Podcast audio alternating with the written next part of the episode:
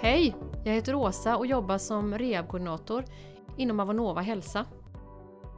Sjukfrånvaron till följd av stress, utmattning och sömnbesvär, men även fysiska orsaker, är idag en av arbetslivets största utmaningar. Kostnader i form av produktionsbortfall, kompetensförlust, vikarier och inte minst lidande för den enskilda arbetstagaren är några av konsekvenserna.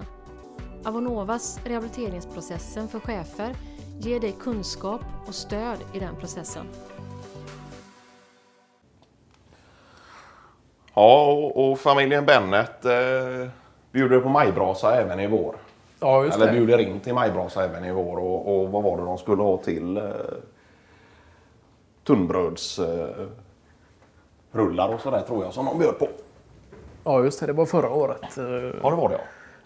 Det här är ju till skillnad från uh,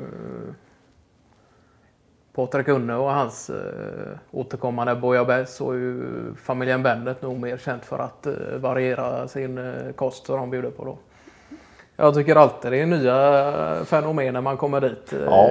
Ena gången är det tunnbröd med någon uh, kronärtskocks uh, puré och blandad uh, kompott där med någon, Ja, men så är det ju helt klart. Han, han ligger ju i framkant när det gäller lite mattrender och, och, och har väl någon fingertoppskänsla där. eh. Så är det ju. Det har man ju varit med några gånger om att man eh, får nys om att det öppnar eh, någon ny restaurang med något eh, nytt koncept och sådär. Och då vet man ofta att det är att jaha, nej, det smakade jag för ett år sedan på Bennets eh, majbrasa då. Ja, just det. Det kan man ju egentligen säga. Han är väl också... När det kommer till magasinfront där, att han eh, mm, studerar väl ganska mycket maträtter och vad som är nytt ute i på de europeiska vägarna då eh, redan innan det har kommit hit nästan. Ja, nej, så är det ju. Men sen är det ju kul att han kan eh, omvandla mattrender eh, och göra dem till sina egna också och Ja. lägga till någon extra ingrediens eller sätta dem i ett nytt sammanhang sådär. Nej, men så vi sa det att vi skulle åka ett eh, gäng där och hyra ett eh, par, tre släp. Och, och, I och med att han hade bjudit in till någon gemensam majbrasa då. Eh, så man kunde få komma med lite grejer och, och om man hade lite ris, eh, gammalt ris eller lite Ja, brännbart då. Som, eh, så det är bara att säga till om du, om du eh, vill vara med på något släp där så, så svänger jag förbi det och så lastar vi på och kör bort till Bennet då. och var det förra året, året som Ålskog hade kommit med någon eh, tryckimpregnerad eh, lastpall och eh, Bennet hade bara skakat på huvudet. Och det var ju givetvis ett skämt då från Ålskogs sida. eh, Ja. Men att han tog med den lastpallen hela vägen bara för att se Bennets min. Det är nog bara Ålskog som skulle orka med något sådant. Så får man ju se där om, om eh, både Lisen och eh, Kenneth eh, Olskog kommer då. För de har väl eh, så smått eh, börjat och, och ses Ja, precis. lite igen och sådär tror jag. Och nej, men det ska bli kul att se på det för matlagning som Bennet har och erbjuder den här gången. Då. Ja, Men de har väl röjt upp där i och med att de hade egentligen större tomt än eh, vad själva staket och buskgränsen gick innan. ja Så just har det. de väl gjort någon gång eh, till någon större yta där, eh, någon slags... Jag tror att han hade begett sig ner till biblioteket och fått tag i gamla papper då över något gamla mätningar över tomtgränser och, och sådär och, och varit nere och rotat i arkiven där och sett att de visst hade ett par eh, eller ett par, nu var det väl mer än så då, men att de hade ganska mycket större tomt än vad vad... För det eh, var han väl, han var väl lite viss om det innan men eh, egentligen inte... Han ville väl ha det på papper då Ja, innan han ställde till med majbrasa och, och sådär. För jag tänkte det, för mig brasan har ju inte varit...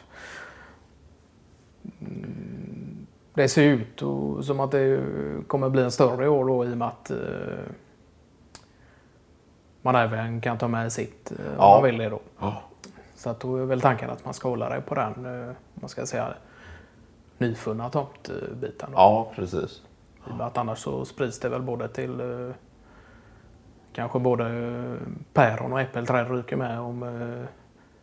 Om, om man gör det mitt på tomten ja. Ja. ja, ja. Nej, nej, så det, det är ju tänkt att vara som eh, på det här nya stället. Och den hade har ju inget, I och med att den har legat utanför eh, staketet och sådär då, så har det ju enbart varit eh, lite gamla björnbärsbuskar och sly och, och sådär då. Så det är ju, han säger att ja, men det ska bort ändå så det är, vi kan lika gärna elda- bort det.